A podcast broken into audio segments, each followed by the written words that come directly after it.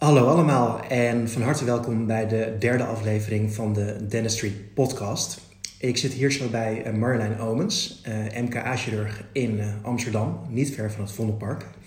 En um, wij mogen Marjolein en samen met Ivo Tenhoven en Gaby Wijs 22 november begroeten op het Acibadem International Medical Center vlakbij Amsterdam Sloterdijk.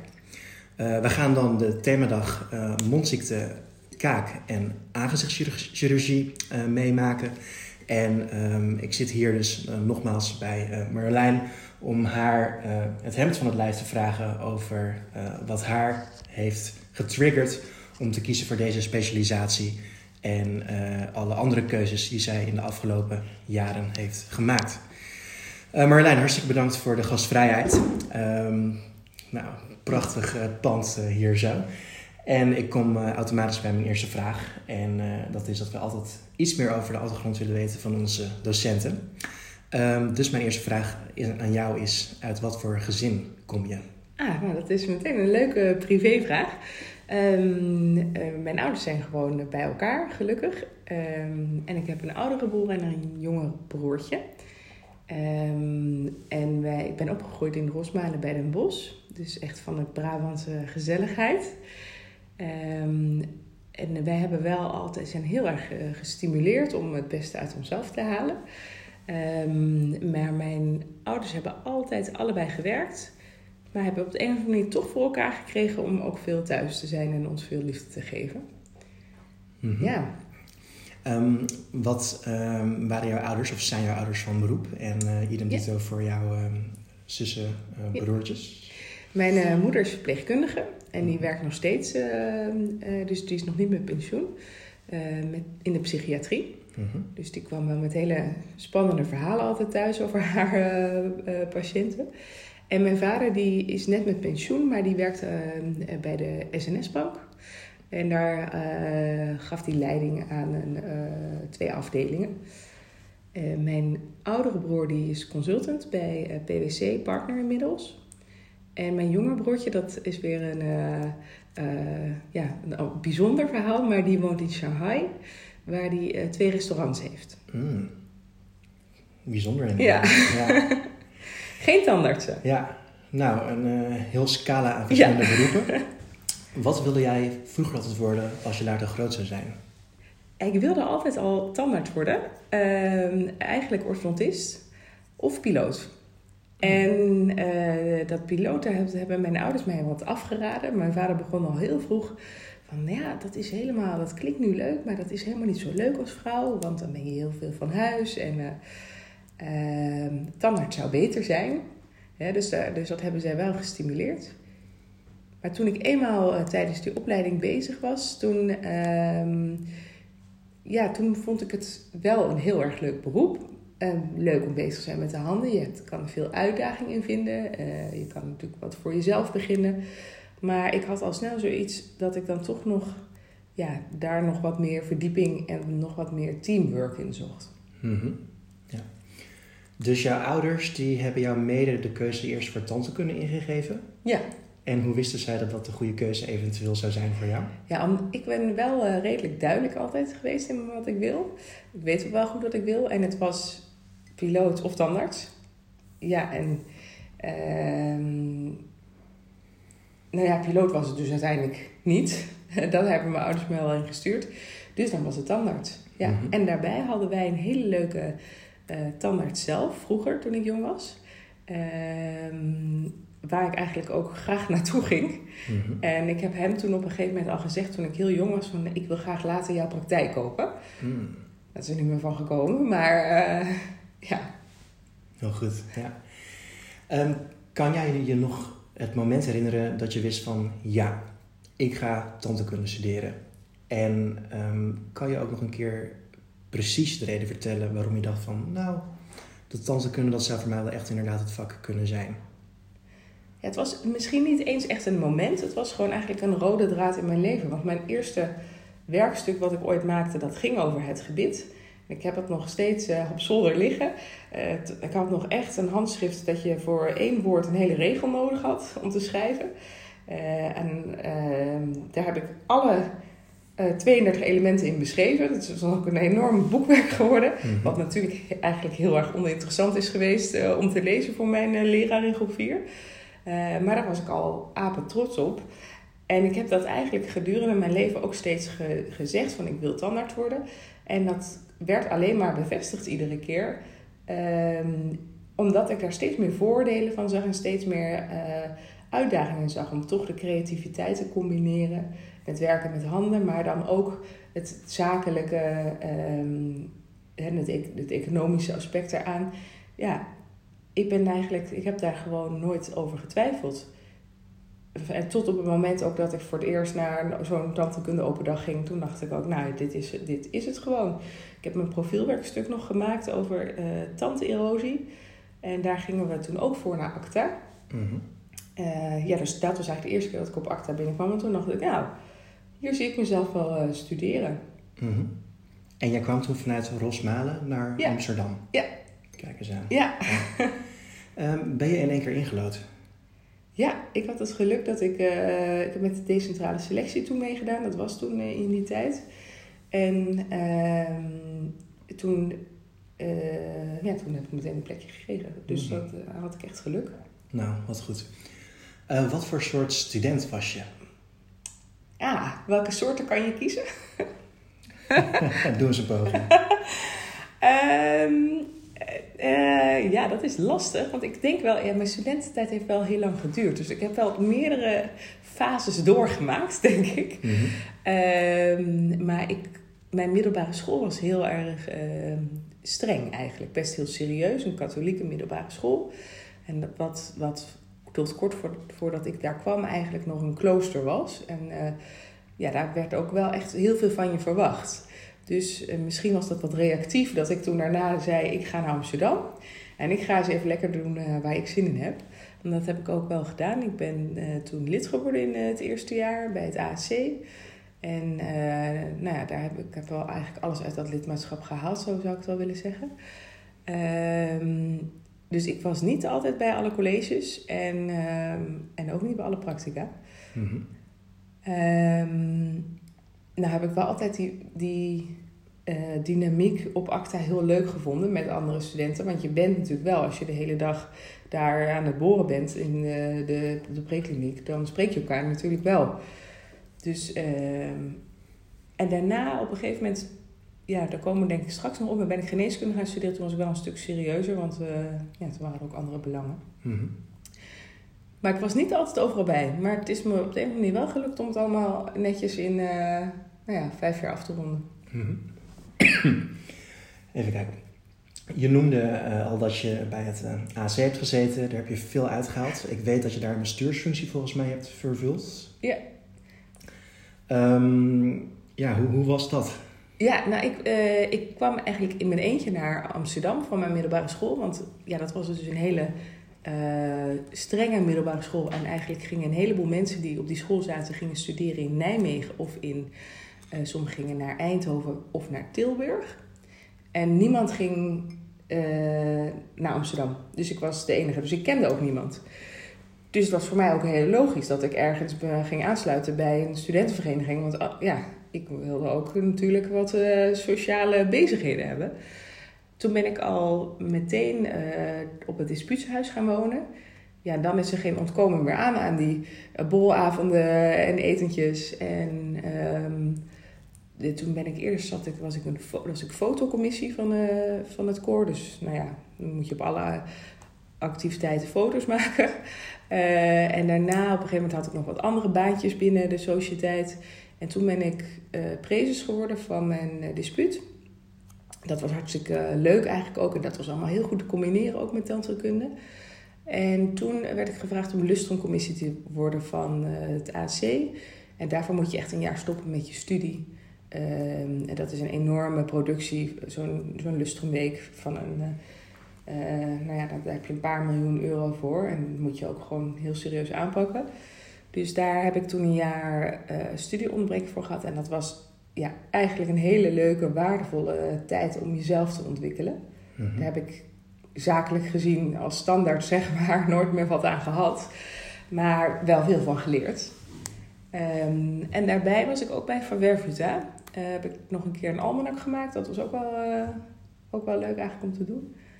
Nee, dus ik denk wel dat, je, ehm, dat, het, dat ik het echt als heel waardevol heb ervaren om uh, en te studeren en mezelf meer te ontwikkelen. Mhm. Je hebt zo te horen veel verantwoordelijke functies gehad. Wat zijn volgens jou de kenmerken van een goede leider? Ja, nou dat is wel inderdaad een hele goede vraag. Want dat heb ik toen ik. Kan je voorstellen, als je president bent van uh, 80 uh, vrouwen.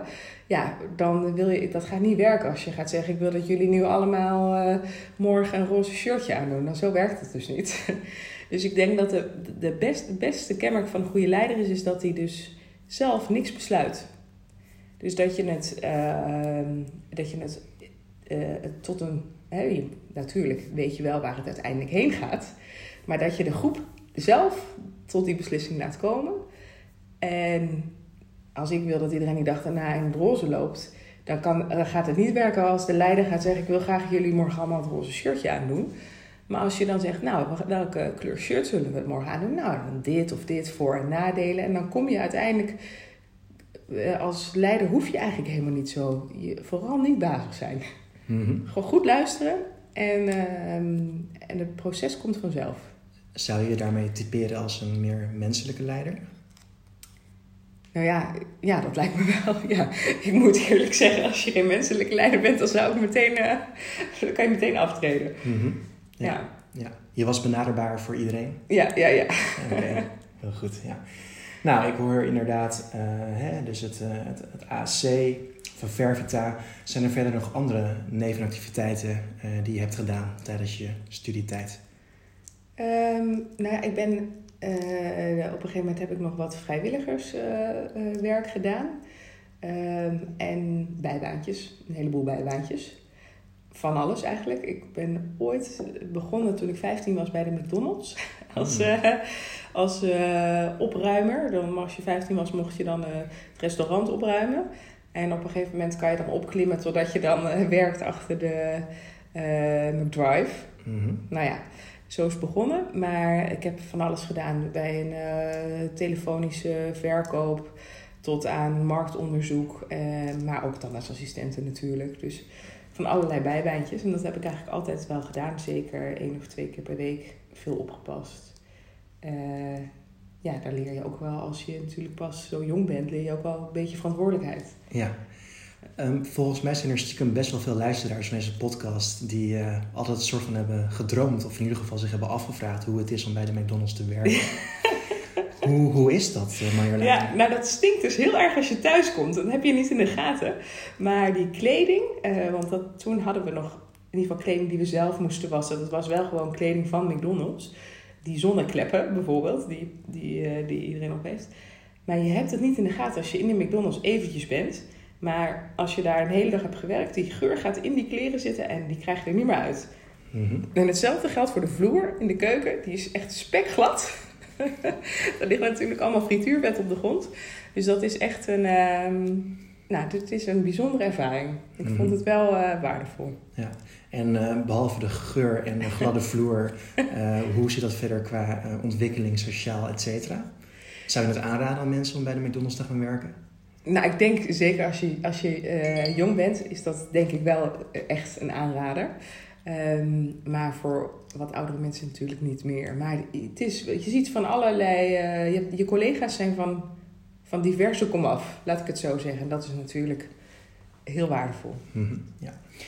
Um, hoe lang heb jij uiteindelijk over je studie gedaan? Hoe heeft ongeveer die tijdlijn eruit gezien? Ja, ik heb uh, over uh, tandheelkunde. Ik had dus één jaar studieonderbreking voor, deze, uh, voor dat lust, van het AC. Maar tijdens dat jaar, ik moest nog, ik was gezakt voor de brugtoets. Dus die moest ik nog doen. En anders zou ik daar toch studievertraging door oplopen. Dus ik heb daar ja, uiteindelijk net iets korter dan zes jaar over gedaan. Want het lukte mij toen daarna om bij de sluiting van ACTA Den Haag om heel snel nog precies de patiënten te krijgen die ik nodig had. Dus ik heb daar vijf jaar en een beetje over gedaan. Ik was in, in uh, april klaar. Mm -hmm. ja. Over welk jaar hebben we het dan? Dat is een hele goede vraag. Ik ben begonnen in 2003, dus 2008 dan. Ja. -hmm. Ja. Mm -hmm. Oké. Okay. Ehm, nou, je bent nu inmiddels, een, uh, je, je timmert behoorlijk aan de weg als uh, kaakchirurg. Hè? Uh, oncologie is ook een van jouw specialisaties, om het maar zo te noemen. Waren deze voortekenen al vroeg zichtbaar eigenlijk van iemand die het ja, in een later stadium toch best wel tot mooie dingen zou gaan schoppen? Nee, dat is eigenlijk echt zo gekomen. Dus ik begon met het idee aan tandheelkunde dat ik tandarts wilde worden. Na een aantal jaar dacht ik, nou, misschien zou ik dan toch liever orthodontist worden. Want ik vond die patiëntenpopulatie wel wat interessant. Want ik dacht, dat is leuk. Dan komt er zo'n puber bij je binnen die nog heel lelijk is. En dan na twee of drie jaar, dan is het een beetje uitgegroeid tot een uh, mooie volwassene. En daar heb je dan een steentje aan bijgedragen. Maar het was uh, tijdens mijn uh, wetenschappelijke stage, daarvoor ging ik toen naar Suriname. Ehm, dat ik op een gegeven moment dacht, nou, ik ben eigenlijk al bijna klaar. En dan word ik straks of orthodontist of tandarts. En ja, ik, ik weet eigenlijk niet zo goed of ik nu al daar klaar voor ben. Ik, ben pas, ik was toen pas uh, 22, 23. Ja, zie ik mezelf dit dan nog mijn hele leven doen? Dus zo ben ik eigenlijk een beetje gerold naar... Het was meer wegstrepen van tandarts. Nee, dat is het dan toch niet. Orthodontist is het ook niet. Ja, wat wordt het dan? Ja, op een gegeven moment uh, dacht ik... Nou ja, dan ga ik geneeskunde doen. Um, en zo ben ik ook weer de kaakchirurgie ingerold. Maar gedurende dat traject van die kaakchirurgie dacht ik ook, ja, is dit het dan eigenlijk? Dat is dan eigenlijk ook weer bijna hetzelfde als dat ik tandarts was gebleven. Want ja, dat op een gegeven moment is dat natuurlijk ook alleen een trucje. Dus dacht ik, ja, dan moet toch nog iets meer zijn. Ja, en zo ben ik dan weer die oncologie ingekomen. Mm Goed, dit is nu even snel verteld. Er zitten natuurlijk nog veel meer uh, details aan. Maar dit wist ik niet van tevoren toen ik hier aan begon. Ja, nou, je hebt ondertussen ook nog een PhD gedaan. Ja, dat is nog niet af. Oké. Ehm, maar waar gaat het stoppen, Marjolein? Ik bedoel, uh, van tandarts, orthodontist naar geneeskunde, naar kaakchirurg, naar oncoloog, naar nog verder. Ja, ik denk dat dat eigenlijk nooit echt stopt. Hè? Het gaat meer om... Uh, het gaat mij niet om het doel, het einddoel. Want dat weet, dat weet ook niemand, hè, waar, waar dat eindigt. Maar om de weg want deze studie is natuurlijk enorm lang al geweest. Mhm. En dan nu nog die oncologie. Ja, je moet dat wel heel leuk vinden. En uh, het gevaar is ook weer dat het studeren aan zich het doel is. Dat kan natuurlijk ook niet de bedoeling zijn. Mhm. Maar uh, ja, ik ben heel erg blij dat het zo allemaal loopt en gelopen is. En waar het uiteindelijk eindigt, ja, dat, uh, dat weet ik eigenlijk ook nog niet zo goed. Ja. Nou, je hebt uh, met zeer gegronde redenen uh, behoorlijke tijd gestudeerd. Is de studententijd inderdaad de mooiste tijd van je leven? Dat is ook wel een goede vraag. Dat heeft ook. Uh, iedere tijd heeft zijn voor- en nadelen. En dat kan ik nu ook wel echt zeggen. Ik vond het een hele mooie tijd toen. Ik dacht toen dat het de mooiste tijd was. Maar ik heb ook bijvoorbeeld het gevoel alsof het nu de mooiste tijd is. Dus ik nou, het was een hele mooie tijd, maar er zijn ook andere mooie tijden. Mhm. Ehm, hoe kijk je naar de tandheelkundeopleiding van uh, degene die jij toen genoot versus degene waarvan jij weet dat hij momenteel uh, speelt? Ja, ik, ik moet eerlijk zeggen, ik heb natuurlijk veel co-assistenten voorbij zien komen en uh, daar ook goed mee gesproken. De meeste mensen die, die de meeste, het algehele geluid wat ik nu hoor, is dat studenten uh, nou ja, die zijn misschien wat sneller ontevreden. Uh, ik denk eigenlijk dat ik best een goede tandheelkundeopleiding heb gehad. Maar het echte leren van het vak, ja, dat komt gewoon daarna. Dat is een beetje te verwachten ook. Hè? Het is een beetje als met je rijbewijs. Ja, je gaat het toch daarna pas de uren maken. Mhm. Ik heb wel, uh, uh, nou, ik ben, kijk, ik heb een goede tandheelkundeopleiding gehad, denk ik. Nou, fijn om te horen. Ja, dus dat was niet iedereen zo overdenken die, nu, uh, die nu is afgestudeerd. Maar... Ja. We gaan nu naar de eh, MKA slash de oncologie. Wat vind jij het mooie aan je vakgebied? De, het zorgen voor de patiënt en het langdurigere patiëntencontact. Dat, met, dat is met name in de oncologie. Um, en dat de patiënt jou helemaal vertrouwt. Dus uh, voor, voor mij, ik doe misschien wel, ik zie wel eens 40 patiënten op een dag, is dat gewoon mijn werk. Maar voor zo'n patiënt, die is daar waarschijnlijk al maandenlang tegenaan aan het hikken en heeft dat aan iedereen verteld, ligt er misschien al een week van wakker, is dat een heel groot onderdeel in, in zijn leven op dat moment. de kaakchirurgische behandeling. Dus ik vind dat heel, een heel uh, ja, die interactie met de patiënt, dat ik dat mag doen, vind ik echt een voorrecht. Dat die patiënt mij vertrouwt om uh, ja, hem, te hem of haar te behandelen. Mm je doet diverse dingen zo in het dagelijks leven. Uh, je behandelt patiënten. Je geeft ook een stukje educatie. Je doet onderzoek. wat vind jij het leukste om te doen? het is allemaal op een andere manier leuk. Het houdt het leuk omdat je het allemaal doet, denk ik. Als ik alleen maar de hele dag verstandskiezers zou trekken, zou ik daar uh, ook al snel genoeg van hebben. En de hele dag uh, alle onderwijs geven aan co-assistent zou ik ook niet. dus het heeft allemaal zijn leuke dingen. Dus ik denk dat je het allemaal lekker moet blijven doen. Mm nou, je gaf aan net, ik ben nog bezig met een PhD op dit moment. Um, het doen van wetenschap, is dat iets wat je altijd al leuk hebt gevonden? Of ben je dat meer leuk gaan vinden? Nou, dat is denk ik uh, wat later in de opleiding, want op ACTA wordt daar misschien wat minder uh, positief naar gekeken. Dat is een, altijd een saai, saaie stage. Je moet je bachelorscriptie schrijven en je moet je masterscriptie schrijven. Uh, en dat wordt meer als een soort vinkje gezien wat je moet halen. En dan moet je dat statistieke cursus doen. Nou ja, staat ook gewoon onbekend dat het allemaal saai is. Terwijl als je later in de, je carrière in ieder geval zo is dat bij mij gegaan, dat ik uh, de waarde van het onderzoek ook. Je hebt het ook echt nodig dat er onderzoek wordt gedaan. Dus je maakt veel gebruik van onderzoek van anderen. En dan, denk, dan heb je op een gegeven moment ook de soort, soort verantwoordelijkheid en plicht om ook weer iets bij te dragen aan eh, de vooruitgang van het vak. Um, dus, dus die echte interesse voor de wetenschap. Ik, ik snap wel dat je die niet hebt na, na alleen je tandheelkundeopleiding. En dat je dat hopelijk later nog krijgt. Maar als je dat niet krijgt, is dat ook prima, dan doe je wat meer praktijk.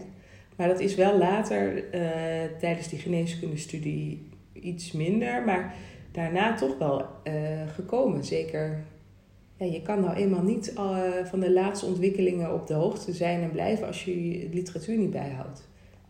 Dat is mijn mening, ja. Mm -hmm. ja. Um, ik gooi er nu even een vraag tussendoor die een aanloop vormt naar een volgende vraag. Mm -hmm. Dus dan snap je gelijk de context. Uh, stel je voor, je zit voor een sollicitatiecommissie voor een uh, plek die je heel erg graag wil hebben. En je moet uh, de jury ervan zien te overtuigen van neem mij. Dus um, kort maar krachtig, maar hoe zou jij jezelf dan voorstellen aan de jury? Met alles wat je hebt gedaan. Dat is wel een goede vraag, want ik heb letterlijk deze vraag gekregen ooit toen ik ging solliciteren voor de kaakchirurgieopleiding. Uh, waarom moeten we jou nemen, was eigenlijk de vraag. En ik heb toen een heel kort antwoord gegeven op dat moment. Ja, jullie mogen het zelf weten, maar ik weet dat ik de beste ben. Dat is natuurlijk iets wat arrogant.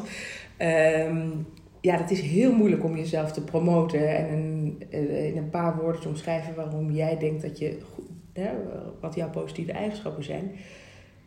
Um, maar die wil je nu eigenlijk horen, hè? Ja, ik denk dat ik. Uh, uh, heel precies ben, wat een belangrijke kwaliteit is voor een arts. Uh, maar ook goed mijn eigen beperkingen ken. En dat is denk ik een nog belangrijkere kwaliteit. Want onbewust onbekwaam, dat zegt, uh, je waarschijnlijk wel, zegt iedereen waarschijnlijk wel iets. Dat zijn de gevaarlijkste mensen uh, om als arts te hebben. Dus ik denk dat ik goed mijn eigen grenzen ken. Ehm, en doordat je met veel enthousiasme naar je werk gaat, straal je dat ook uit op je collega's en op je eh, de patiënten met wie je werkt. Nu zijn er wel meer mensen, denk ik, ook heel enthousiast. Dus er zullen heel veel hele goede mensen zijn. Um, maar goed, ik denk, je moet het, ook, het moet ook echt een intrinsieke motivatie zijn om, om arts of tandarts. Hè, dat, moet echt, dat moet je echt diep van binnen willen. En als je dat alleen maar zou doen omdat je toch een baan moet hebben of om het geld, of ja, uh, zonder dat je daar echt je hart en je passie ligt, dan gaat het hem niet worden, denk ik. -hmm. Ja. En nu vraagt de jury naar jouw cv. Dus uh, ik weet dat je bijvoorbeeld de NTVT debuutprijs hebt gewonnen. Toch? Ja, en dat was ik alweer bijna vergeten. Ja. ja. uh, kan je zo eventjes een uh, mooie samenvatting geven van alle hoogtepunten die op jouw cv staan, ja. mogelijkerwijs? Ja, wat zou ik erover zeggen? Ja, dat begint natuurlijk eigenlijk, denk ik al, als ik namelijk een cv lees van iemand anders. Want ik zie ook wel eens mensen die bij mij komen solliciteren voor iets dan kijk ik met name naar hoeveel mensen kunnen combineren op één moment in hun leven tegelijk. Want als het iemand lukt om uh, Ehm, en te studeren en uh, een sociaal leven en, en, en. Als dat allemaal tegelijkertijd lukt, dan kan iemand denk ik heel veel aan. Dus, uh, nou ja, ik heb, ik ben inmiddels, uh, moet even denken, 34, ja, 34. heb natuurlijk een heleboel leuke hoogtepunten uit mijn cv te benoemen. Maar ik ben dan ook alweer 34, dus dat maakt het ook makkelijker om al wat leukere dingen gedaan te hebben. Nou, wat ik bijvoorbeeld heel leuk vind dat ik gedaan heb, dus ik ben op een gegeven moment een week naar Kenia gegaan. En heb daar vrijwilligerswerk gedaan. Dat soort dingen vind ik belangrijk. En ja, wetenschappelijk, je kan op PubMed kijken. Er zijn een heleboel publicaties. Dat is, dat is leuk om op je cv te zetten. Um, ja, en, verder zijn het eigenlijk ook heel veel standaard dingen hè, die iedereen wel gedaan heeft. Maar ik denk vooral, uh, waar ik vooral trots op ben, is dat het mij wel gelukt is om uh, ja, altijd als een soort eh, duizendpoot toch alles tegelijkertijd voor elkaar te krijgen. Mhm.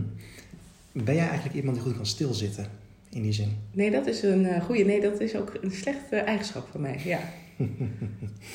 Oké. Goed, uh, dus we hebben nu even een inkijk gekeken in nou ja, jouw, jouw tijdslijn en ook een beetje in jouw cv.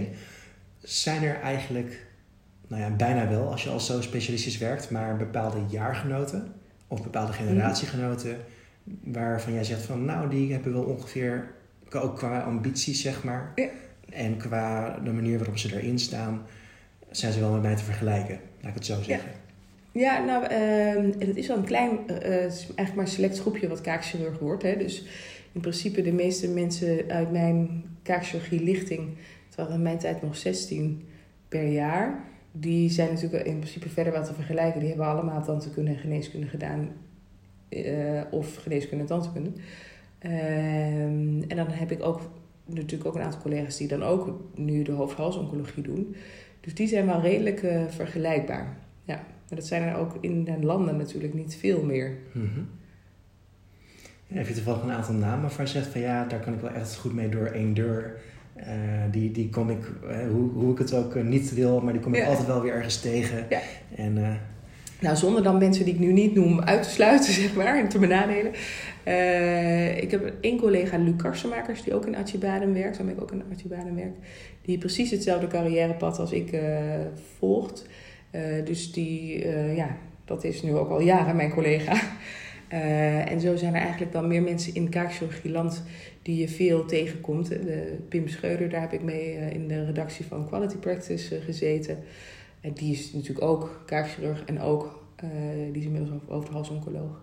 Dus zo kom je, zijn er vele mensen met wie je dan uiteindelijk ja, niet alleen hele goede collega's, maar ook vrienden wordt. Hè? En, en het is maar zo'n klein select groepje wat straks overhalsoncoloog is in Nederland, dat je ook met elkaar wel ja, dit moet doen. Mm -hmm. ja. Lijkt me wel fijn om zulke mensen om je heen te hebben wie je soms dingen, dingen kan delen. Ja. Um, wie zijn voor jou uh, de mentoren, voorbeelden, inspiratoren geweest, um, zowel binnen de tandheelkunde als binnen de, de kaakchirurgie, waarschijnlijk zelfs meer, ja. die jou uh, ja, hebben geïnspireerd? Ja, nou, zoals je waarschijnlijk wel weet, ik ben opgeleid op de VU. Daar zitten een paar iconische figuren. Hè. Ehm, dus we kennen allemaal Jacques Baart, die inmiddels helaas is overleden. Uh, het, het, blijft zo dat sommige van mijn opleiders op de VU, en dat is een heel erg één op één opleiding geweest. En, je leert het van de professor. Uh, die staat naast je en die vertelt je precies hoe, hoe die wil dat je doet. Dus die stemmen, die blijf je af toe horen. Als je een ingreep doet, dan hoor je de stem van de professor vertellen wat je moet doen. Dus dat zijn eigenlijk allemaal op hun eigen manier voorbeelden geweest. En de een die heeft weer andere kwaliteiten dan de ander. Maar zo, zo zie je van, goh, hoe, hoe deze dokter het aanpakt, zo zou ik ook wel willen worden. Dat neem ik mee daaruit. Ja, allemaal andere eigenschappen, die, die laat je varen. Dat is natuurlijk zo. Ik denk dat de tijdsgeest ook wel, uh, het, een, ook wel het een en ander veranderd. Een dokter uh, van 50 jaar geleden is een ander type dokter dan een dokter van nu. Maar uh, eigenlijk hebben alle mijn opleiders van de VU mij heel erg geïnspireerd. en ook nu zijn er ook collega's die me inspireren. En ja, op ACTA, ja, wij hadden een hele fijne docent op ACTA Den Haag. Maar ik denk dat je van het belangrijkste is dat je op een gegeven moment zie je zoveel docenten. En dan heb je zoveel mensen of, of workshops die je hebt gedaan of cursussen die je hebt gevolgd. Dat je denkt, ja, hier pak ik dit uit, daar pak ik dat uit. En uiteindelijk maak je er je eigen stijl van. Hmm. heel goed kijken naar iedereen die jou iets probeert te vertellen. Eerder wie uh, toekomt, uh, wie zijn jouw drie grootste inspirators geweest?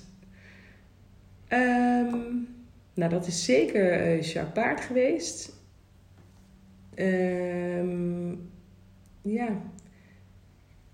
Ja, ik denk eigenlijk toch ook mijn ouders. Dat, mag, dat kan, is niet in het, in het uh, werkveld, maar uh, dat zijn toch mensen die mij altijd hebben gestimuleerd en, en hebben ge, geïnspireerd uh, hoe zij hun leven hebben ingericht. Um, ja, ik denk dat ik het daarbij laat even. Oké, dat, dat, dat, mag. Um, ik ben dan stiekem nog wel heel benieuwd naar welke tips en adviezen jij dan nu nog steeds dat op de dag van vandaag hebt onthouden van Jacques Baart. Ja, ja. Uh, hij behandelde, zoals je waarschijnlijk wel weet, veel kinderen. Uh, en een hele simpele tip is hè, om een kind de twee keuzes te geven. Wil je de linker kiezer uit of de rechter kiezer uit? De kind wil natuurlijk überhaupt geen kiezer uit. Maar als je dan zegt links of rechts, dan kiest hij iets.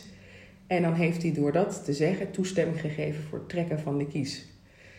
Uh, dat werkt nu ook zo met mijn eigen dochter. Want als ik, ik wil graag dat ze schoenen aandoet. En het maakt mij niet uit of ze de rode of de gele aandoet. Maar ze moet wel schoenen aan. Dus als ik haar dan die keuze geef, dan heeft zij het idee dat ze zelf iets te kiezen heeft. En dat zijn dat, eh, dat soort, uh, met name communicatieve dingetjes. Die heb ik van hem geleerd. En die blijven mij altijd bij. Is dat dan niet iets wat je ook al toevallig onbewust hebt toegepast in je tijd als prezes toen van je, van ja, dispuut? Dat is wellicht ook zo gegaan. Ja, dat is heel alert van je. Ja, heel goed. Ja. Um, hoe ziet een dagelijkse werkdag er uh, voor je uit op, ja. uh, op dit moment? Ja, op dit moment heb ik twee uh, banen. ik ben fellow, dat is dus een opleiding die je doet nadat je specialist bent in de hoofd-hals-oncologie. En dat is op het Antonie van Leeuwenhoek ziekenhuis. Dat doe ik vier dagen per week. En één dag per week werk ik als kaakchirurg in Acibadem. Uh, en die twee dagen zijn heel verschillend. Dus ik, ik zal even de hoofdhalsoncologie-dag vertellen. Die begint eigenlijk altijd om acht uur. Meestal met een uh, bespreking of een overdracht of een visite. En op de dagen dat ik opereer begint om acht uur het operatieprogramma. En dan ligt het er een beetje aan uh, wij hebben vaak op maandag een lang operatieprogramma. En dat betekent dat we de hele dag opereren aan één patiënt. En dat is pas klaar als het klaar is natuurlijk. En dat is de ene keer om vier uur middags, maar dat kan ook wel eens negen uur s avonds zijn als het tegen. Dus dan uh, ben ik de hele dag aan het opereren. We lossen elkaar dan af met uh, dat we allemaal een keer wat kunnen eten. Uh, ja, dan ben je dus de hele dag sta je in je steriele jas met je steriele handschoenen aan. Um, dus er is geen tijd om een telefoon op te nemen of een appje te sturen of je e-mail te kijken. En dan ben je heel geconcentreerd bezig om met z'n allen, want dit doe je niet alleen, maar met het hele operatieteam en met meerdere chirurgen die uh, patiënt beter te maken. Op een dag dat, we, dat ik niet zo'n operatiedag heb, uh, begint het dus vaak met een bespreking of de visite. En dan heb ik een poli bijvoorbeeld. En dan zie ik op zo'n ochtend zo'n 15 uh, controlepatiënten of mensen die nieuwe, nieuw zijn, hè, met een nieuwe, uh, die voor het eerst op het Antonie van Leeuwenhoek ziekenhuis komen met dus uh, mondkanker of keelkanker. Um, en de patiënten die zijn geopereerd, die komen natuurlijk ook weer terug voor controle. Uh, en een ander entiteit die je nog kan hebben, dat is een kleine verrichtingenpolie. En dan doen we op het Antonie van Leeuwenhoek ziekenhuis met name um, de kleine cutane tumoren. Dus mensen met plaveisselcel, carcinomen van de huid. En dat wordt dan onder lokale verdoving met een uh, ja, lokale kleine reconstructie uh, dichtgemaakt. Dat zijn eigenlijk de smaken een beetje van, uh, van het ziekenhuis. En in Acibadem heb ik de hele dag een poli met dentalveolaire chirurgie, maar ook mondpathologie. En eigenlijk alles wat de tandarts en de huisarts naar de kaakchirurg verwijst. Mm -hmm. En ehm, hoe laat gaat de wekker bij jou gemiddeld? En hoe laat gaat ook gemiddeld het licht ja. uit? Nou, uh, ik heb sinds dat ik een kind heb, gaat mijn wekker wat vroeger soms dan dat ik wil, want dat is, dat is mijn dochter. Ehm, dit moment zit ze even in een vroege fase, dus die is meestal om zes uur wakker, dus ik ook. Maar als ik zelf zou kunnen kiezen, gaat hij eigenlijk zo laat mogelijk. Dus die gaat dan pas om zeven uur. En dan um, poets ik mijn tanden onder de douche en dan eet ik mijn ontbijt in de auto of op de fiets. En dan zorg ik dat ik om kwart voor op mijn werk ben. Uh, dus idealiter gaat hij pas om zeven uur, maar meestal dus nu iets, iets eerder. En dat ik thuis ben is eigenlijk ook meestal half zeven, zeven uur. En daar ben ik wel heel blij mee dat het al zo vroeg is. Uh, want dan kan ik gewoon even met mijn gezin eten. En dan gaat meestal s'avonds wel weer de laptop open. Mm -hmm. Ja. ja. Nou, ik, ik weet dat je ontzettend veel doet. Je bent bijna een soort van supermens. Hè? Dus uh, behalve dat je kaartje bent, je leert, je doet onderzoek, uh, je bent ook nog eens moeder. Hoe, hoe combineer je dat ooit? Het lijkt mij ongelooflijk moeilijk eigenlijk. Um, ja, nou, ik heb daar niet. Ik heb het eigenlijk, als je het zo benoemt, dan lijkt het allemaal heel veel. Maar ik heb daar eigenlijk, het is ook heel leuk moeten doen. Dus uh, als ik met s'avonds met tegenzin nog mijn laptop zou open moeten doen, dan gaat het dat ook niet worden natuurlijk. Uh, dus als je een vak moet studeren wat je niet leuk vindt, ja, dan, dan, dan kijk je daar enorm tegen op. Maar uh, ik, heb, ik heb nog nooit gedacht. Iedere, uh, ik heb natuurlijk ook regelmatig dienst. En als ik dan s'nachts word gebeld op het moment zelf, denk ik altijd: Nou, dit kan niet waar zijn. Ik lig net in mijn diepe slaap. Het is één uur s'nachts. Wat is er in godesnaam aan de hand waarvoor ik nu wakker gebeld moet worden? Maar als je dan eenmaal ehm, naast die patiënt aan het bed staat ja, dan vergeet je, die, vergeet je alle tijd. Want dan, die, die patiënt die heeft jouw hulp nodig. En uh, je bent ook de, op dat moment vertrouwt hij jou ook om jou te helpen. Ja, en of het dan uiteindelijk, eh, of ik dan de hele nacht bezig ben of, uh, of een half uur, daar kijk, dan kijk je dus niet meer naar de tijd. Dus ik denk dat het met name is dat je, dus wat ik al eerder zei, gewoon de intrinsieke motivatie en de passie voor zo'n vak. Mm -hmm. Anders ga je dat niet, inderdaad niet kunnen combineren en volhouden. Ja. Um, hoe is het eigenlijk voor een kaakchirurg als je dan zo'n lange operatie hebt waarbij je echt continu gefocust moet zijn op uh, de kleinste millimeter? Um, hoe hou je dat vol? Ja, er zijn wel uh, trucjes voor, maar je bent ook heel vermoeid hoor aan het einde daarvan. Maar je doet het dus niet alleen. Um, dus bij zo'n hele lange operatie is er een team waar we zijn meestal met z'n drieën. Dus je lost elkaar een beetje af. Want iedereen weet dat je spanningsboog op een gegeven moment je kan maar een bepaalde uh, tijd echt goed geconcentreerd blijven. Uh, en het is ook prettig dat je met meerdere mensen bent, want dan kan je elkaar een beetje bijsturen.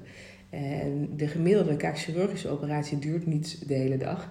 Een osteotomie of een, uh, of een zygoma-fractuur, dat, dat meestal je met een osteotomie ook nou, snel, snel klaar, zeg maar. En met een zygoma-fractuur kan het ook eens tegen zitten, maar je bent, het zou raar zijn als je langer dan twee, twee uur bezig bent. Dus dat moet wel lukken voor de meeste mensen. Ehm, ja, ik moet eerlijk zeggen, omdat we het zo goed afwisselen, lukt dat wel goed. Mm -hmm. ja. ja. Het wordt nu ook uh, winter langzamerhand. Uh, als we naar ons werk gaan, dan is het al donker. Of dan is het nog donker. En als we thuis komen, dan is het ja. alweer donker. Um, dat is ook goed uh, te doen, in die zin. Ja, nou ja, ik moet eerlijk zeggen, de meeste operatiekamers hebben überhaupt geen daglicht. Dus of het nou zomer of winter is, dat, ja, alleen 's ochtends zie je er iets van. Um, maar je kan vaak, vaak, ik heb vaak toch niet eens het idee wat voor het buiten is. Dus mm -hmm. uh, ja. En zijn de weekenden dan wel uh, volledig vrij voor de ontspanning? Uh, of moet er dan soms ook nog wel wat werk worden verzet? nou, regelmatig heb je natuurlijk dienst. Dus op dit moment heb ik één keer per maand dienst, weekend. Uh, ja, en er zijn natuurlijk ook, als je een keer een cursus of een congres wil volgen, die zijn ook altijd in het weekend.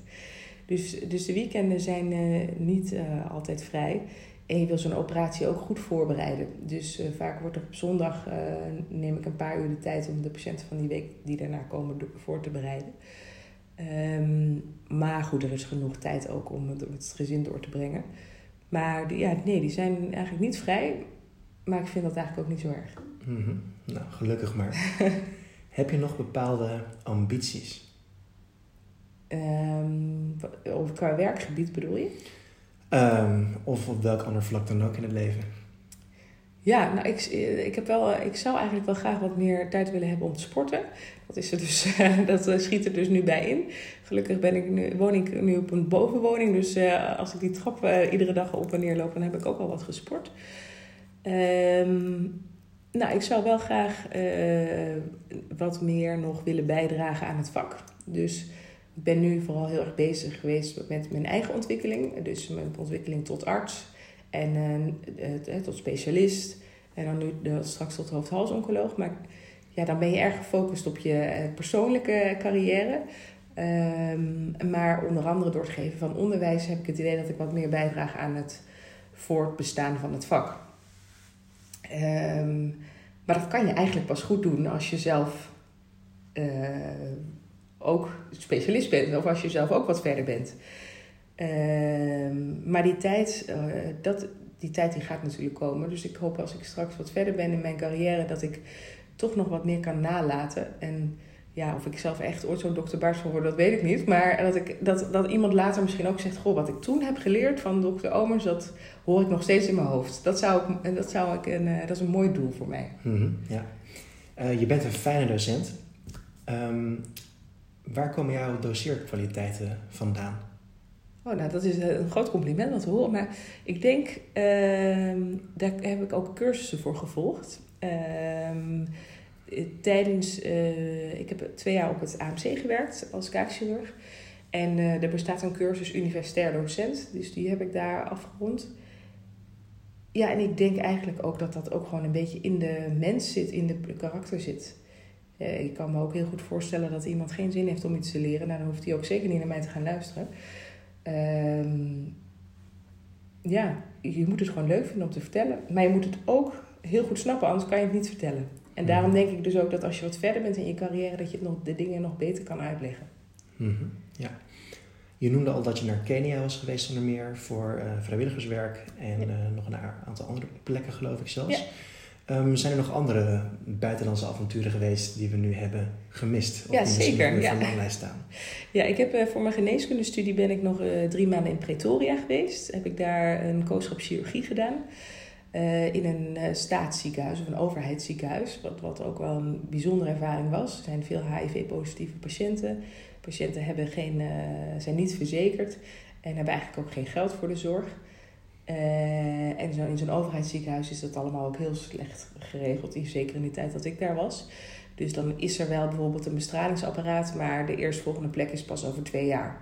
Ja, tegen die tijd zijn dan die mensen al lang en breed overleden aan die tumor natuurlijk. Dus uh, dat was een hele bijzondere gewaarwording uh, voor mij om daar drie maanden kooschappen te lopen. En ik ben tijdens mijn kaakchirurgieopleiding drie maanden in Birmingham geweest, in Engeland. En daar is een team wat heel veel hoofd-halsoncologie doet. Dus, ehm, dus daar heb ik daar weer enorm veel kunnen zien. Dus dat zijn eigenlijk. En ja, en ik ben natuurlijk in Suriname geweest, wat ik net al vertelde. Bijna, ik weet eigenlijk niet meer hoe lang, vier maanden of zo, vier of vijf maanden. Um, Nee, dat zijn de wat langere buitenlandervaringen, ja. Mm -hmm. En welke ervaring specifiek is jou het langst bijgebleven? Of het meest bijgebleven? Ja, de, ik denk wel die Pretoria-ervaring. Ook door wel, wel wat ik nu net vertel. Dat we hebben daar echt uh, mensen gehad dat we ochtends visite lopen op de intensive care. En dat we dan zeggen, ja, we, hebben, we kunnen de operaties van vandaag niet door laten gaan... omdat alle intensive care bedden vol zijn. Maar god, bij deze patiënt is uh, afgelopen week niemand langs geweest. En hij ziet er niet echt uit alsof hij nog... Ja, hij zal nooit meer helemaal tot op zijn oude niveau komen. Dus wat moeten we kiezen? Moet je dan deze patiënt nog hier nog eens twee of drie weken laten liggen? Blijkbaar zonder dat iemand zich überhaupt om deze patiënt bekommert. Of moeten we dan gaan voor de nieuwe patiënt? Uh, die wel bewijzen van veel familie heeft en die misschien veel meer kans heeft om daar goed uit te komen. En dat zijn hele heftige beslissingen die ik gelukkig nog nooit heb hoeven maken, maar die de artsen daar wel moesten maken. En daar werd uiteindelijk ook over besloten. Dus mm. dat heeft mij uh, een hele grote impact gehad op hoe ik nu ook naar de gezondheidszorg kijk. En ehm, ja, daar is een mensenleven niet zoveel waard als, als, als bij ons. Mm. ja. ja. Um, is dat niet heel moeilijk om dit soort uh, emotionele dingen te scheiden tussen werk en privé? Je bedoelt uh, de, uh, dat, dat, of ik mijn werk mee naar huis toe neem? Juist. Ja. Nou, en enkele, wat ik nu natuurlijk veel doe, is het werken met mensen die kanker hebben. En, dat, uh, en ze dat ook vertellen. En dat gaat ook, loopt ook niet altijd goed af. Ehm, dus dat zijn wel eens hele heftige dingen. Zeker als je je wat meer kan identificeren met de patiënt. En dan moet ik eerlijk zeggen, als ik de patiënt verder eigenlijk niet ken, maar alleen voor mij bij wijze van een papieren casus is. Of uh, alleen iemand die ik op de operatietafel heb gezien. Maar zodra je dan daarna de familie eromheen ook ontmoet, iemand heeft ook ouders of kinderen of broers en zussen. Uh, en dan zie je wat dat ook is met de omgeving van zo'n patiënt doet. Dan, ja, dan is dat wel heel moeilijk om dat apart te houden. Omdat, omdat je daar dan niet emotioneel mm in betrokken te raken. Ja. Ik, ik vind het een hele bijzondere podcast in die zin. Want ik merk nu wel echt dat we het nu hebben over levens. En niet meer alleen over het redden van een tand. Nee, dus dat, dat is ook voor mij eventjes nieuw. Um, let me niet om deze vraag te stellen. um, als je weer opnieuw zou mogen beginnen, zou je dan weer hetzelfde doen? Ja, ik zou wel hetzelfde doen. Ik ben heel blij met hoe het gegaan is. En ook hoe het nu gaat. Dus uh, ja, ik, ben, uh, ik sta daar helemaal achter. Ik zou precies hetzelfde gedaan hebben. Mm -hmm. Oké. Okay. Uh, nou ja, voor ons dan als tandarts. preventieve tandkunde is tegenwoordig nou, heel erg belangrijk. Hoe ziet je eigen mondhygiëne eruit? Nou, dat is een goede vraag. Ik, ben de, ik poets dus onder de douche, ochtends. en uh, poets een braaf twee keer per dag. Uh, en ik gebruik internetale reiniging. De, dus ja, ik denk dat ik gewoon keurig doe wat is voorgeschreven. bij mijn dochter is het een veel grotere uitdaging. Want ik vertelde vroeger altijd zelf aan mensen, ja, je poetst gewoon de tanden van je kind twee keer per dag. Zo moeilijk is dat, kan dat niet zijn. Het is dus best moeilijk bij een tweejarige neezeggende peuter. En dat wordt een soort worsteling altijd. Maar er wordt wel twee keer per dag gepoetst. Maar is dat dan ook inderdaad weer de blauwe tandenborstel of de roze tandenborstel? Ja, ja precies. Okay. Ze liggen hier zoals je ziet. Ja, ja. Nou, dus uh, je houdt in principe je mondhygiëne wel keurig bij. Ja. Uh, heb je ook vullingen eigenlijk? Ja, ik heb vullingen, ja zeker. Ik heb een tijdje lang uh, wat hogere kariesactiviteit gehad tijdens mijn puberteit, tijdens middelbare school.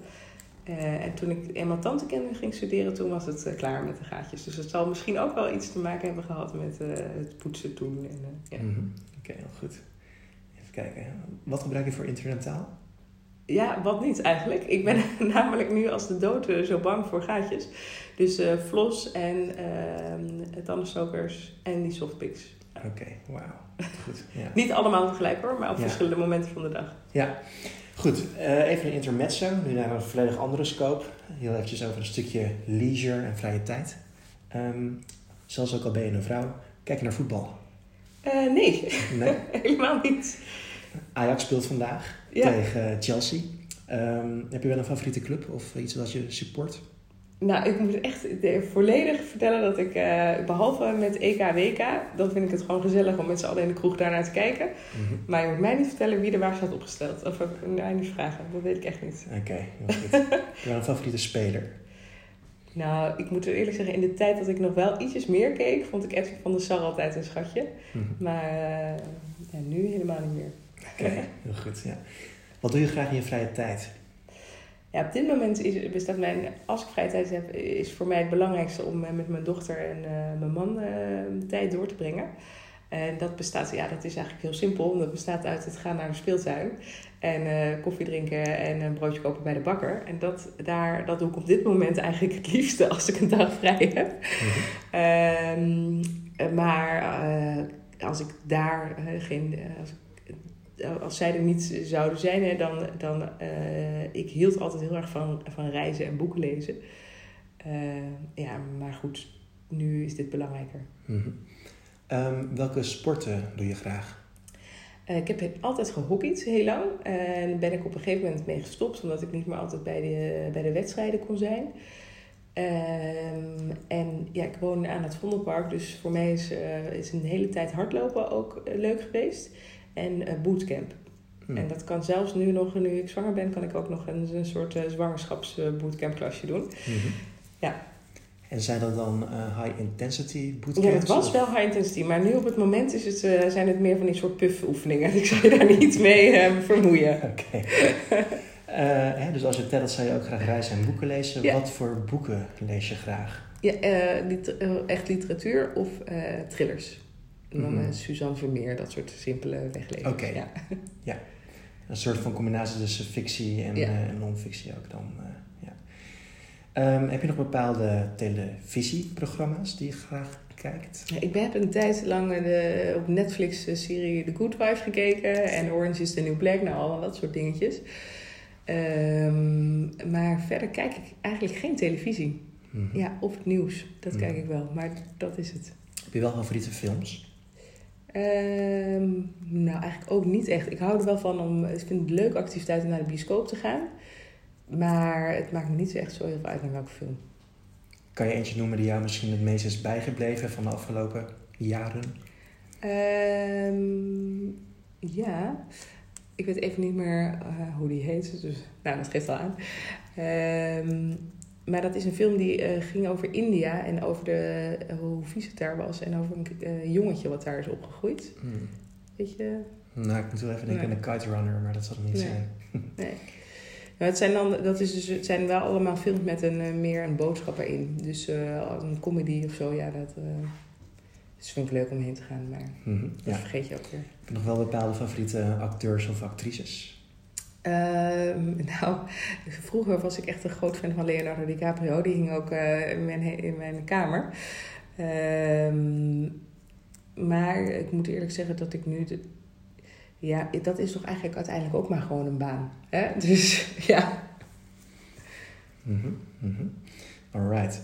Ehm, favoriete muziek? Mhm.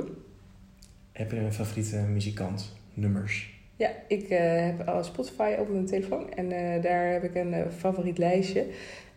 Maar ik vind Jason Mraz altijd fijn om te luisteren, lekker rustig. En dat, dat vind ik in de auto heerlijk om op te zetten. Ehm, maar met hardlopen, ja, dan heb ik er wat meer energie nodig. Ehm, dus ja, Spotify is heel simpel. Die heeft natuurlijk gewoon de play, playlistjes die die aanzet voor je. Mhm, Juist, ja, goed. Nou, hele rit is inmiddels al voorbij gekomen in het laatste stuk. Zijn er verder nog andere hobby's die wij hebben gemist? Ehm, ja, zeilen. Dat vind ik heel leuk om te doen. Ehm, dat heb ik van jongs af aan ook altijd gedaan. Eh, vroeger altijd naar, op zeilkamp. En eh, ja, we, wij wonen in Amsterdam, maar ben je ook zo in Loosdrecht. Dus daar eh, haal ik ook wel echt ontspanning uit een dagje op het water. En muziek. Eh, ik heb eh, keyboard heel lang gespeeld en gitaar. Eh, nou, nu speel ik dat op het moment even niet. Want daar is, daar is er gewoon ja, minder prioriteit aan op dit moment in mijn leven. Maar dat ga ik zeker wel weer een keer oppakken. Dat heb ik echt met jarenlang heel veel plezier en ontspanning eh, uitgehaald. Mhm, Alright, ja. Ja. Goed, we gaan langzamerhand richting de 22 november, wanneer we jou samen met Ivo en Gaby en ook zelfs Bassam Hassan mogen begroeten. Eh, wat, kunnen we ongeveer, wat kunnen we ongeveer verwachten van die dag? Ja, nou zoals je al zei, we zijn met veel eh, docenten. Eh, ze zijn niet allemaal de hele dag daar, maar we zijn wel allemaal meer dan bereid om jullie wat mee te geven van de kaakchirurgie. En het idee is dat we beginnen met een stukje wat praktijk, een workshop over hechten en socket preservation. En verder gaan we wat vertellen over de oncologie, mondpathologie, eh, lokaal anesthesie. Dat klinkt nu een beetje saai, maar dat, daar valt heel veel over te vertellen. Eh, de dentogene ontsteking. Ja, en dan denk ik eigenlijk, vrees ik dat we dan al aan het einde van de dag zijn, want er valt nog veel meer te vertellen. Eh, wat, zo zou ik jullie ook wel graag een keer willen meenemen naar zo'n lange operatiedag, van wat daar nou eigenlijk precies gebeurt. Dus, dus ja, heel veel vragen zijn meer dan welkom, maar ik vrees dus dat we daar dan niet alles aan bod krijgen. Maar ehm, ja, Nou, we hebben er ongelooflijk veel zin in. Het wordt een hele mooie dag, dat weet ik zeker. Ehm, dit is een vraag die ik normaal gesproken stel aan mensen die al wat meer op leeftijd zijn. Maar ik ben hier stiekem toch ook wel benieuwd naar. Ehm, hoe lang mogen wij ongeveer van jou gaan eh, genieten? Nou, ik was eigenlijk wel gewoon van plan om toch zeker nog 30 jaar door te werken. Ja. Ja. En, eh, en ik hoop dus dat mijn bijdrage alleen maar groter wordt. Want de afgelopen 20 jaar ben ik vooral bezig geweest met mijn eigen opleiding. Maar eh, Mhm. dat ik nu wat meer tijd krijg voor wetenschap en opleiden van anderen, dat lijkt mij. eh, Mhm. Dan hoop ik dat jullie veel meer nog gaan horen.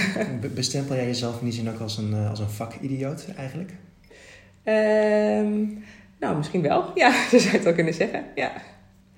En je ziet jezelf ook mogelijkerwijs al na de pensioengerechtigde leeftijd nog veel dingen doen? Nou, ik moet wel eerlijk zeggen, ik merk ook wel sinds ik een gezin heb dat ook eh, privé ook belangrijk is. Dus we zijn wel eh, dus, eh, spannend om daar een goede balans in te vinden. Ehm, maar het blijft denk ik wel iets wat je je hele leven zal blijven doen. Tot aan je dood. En dat stopt natuurlijk niet als je 65 bent. Ja. Nou, sluiten we af met de laatste vraag van de avond. Ehm, nou ja, een vraag die ook zelfs door iemand die relatief gezien wat jonger is, kan worden beantwoord. Want welke take-home messages mogen we na dit interview mee naar huis nemen? Ja, ik denk dat het voor mij ook wel goed om dit interview zo te doen. Want ik denk dat er een paar hele belangrijke dingen zijn. Dat is dus de, de passie, die, eh, de, de passie en de intrinsieke motivatie. Die denk ik, die je altijd moet volgen. Als dat, als dat betekent dat je toch geen tandarts moet worden, dan word je geen tandarts en dan ga je iets anders doen. Ehm, dus volg je hart. Ehm, het vertrouwen, beschaadt het vertrouwen niet van de patiënt. De patiënt eh, heeft geen enkel idee en die ligt daar met zijn mond open en vertrouwt dat jij het beste doet. Ehm, en eh, werk is heel belangrijk, maar niet het allerbelangrijkste. Want als je geen leuk privé hebt, dan ga je ook uiteindelijk niet gelukkig worden. Dus eh, kijk hoe je dat zo goed mogelijk kan combineren met hele leuke sociale activiteiten. Het zij tijdens je studentenleven, het zij in je leven daarna. Nou, dus dit vind ik zo'n mooi wijs antwoord dat ik gewoon nog eventjes deze vraag erbij ga doen. Waar draait het volgens jou om in het leven? Ja, het, het draait ehm, eh, met name om het geluk van anderen, denk ik. Want als, andere, als je andere mensen in jouw omgeving gelukkig kan maken, dan, dat maakt het jouzelf ook gelukkig. Dus ik denk dat het. eh, dat, en, en daarin zeg ik, dat kan je vinden in je privé en in je werk. Eh, maar je moet het eigenlijk bij allebei hebben, als het lukt. Je hebt niet altijd zelf in de hand. Maar dus maak je, maak je patiënt gelukkig, maak je collega gelukkig, maar maak ook je partner en je kind gelukkig. Mhm. Nou, dat klinkt als een aspect van ook genoeg geven aan een ander. Ik geef je dan nu ook de gelegenheid om eh, de volgende vraag echt als allerlaatste te beantwoorden. Ja. Is er een vraag die ik vanavond niet aan jou heb gesteld, maar die ik wel had moeten stellen? Eh, nou, nee, je bent wel heel compleet geweest, denk ik. Nee, nog niet. eh, nee, Nou, wat goed. Ehm, dan ga ik nu afsluiten als je het goed vindt. zeker, zeker. Heel goed. Nou, ehm, dan was dit de, de afsluiter van eh, de derde podcast van eh Dentistry. Ehm, we hopen dat je met veel plezier en eh, interesse hebt geluisterd naar dit interview met Marjolein Omens. Wij gaan haar dus samen met Ivo ten Hoven, Gaby Wijs en Bassam Hassan zien op het uh, Achibaden op 22 november in Amsterdam. En mocht je daar nog bij willen zijn, uh, surf dan naar www.dentistryuniversity.com en daar zal het een en ander zich verder wijzen. Uh, Marjolein, hartelijk bedankt voor je tijd. En uh, wij kijken uit naar een hele mooie themadag over MKA. Graag gedaan. Nou, ik kijk er ook naar uit om jullie allemaal te ontmoeten op de 22e. Is goed. Nog een fijne avond vanuit Amsterdam, dames en heren.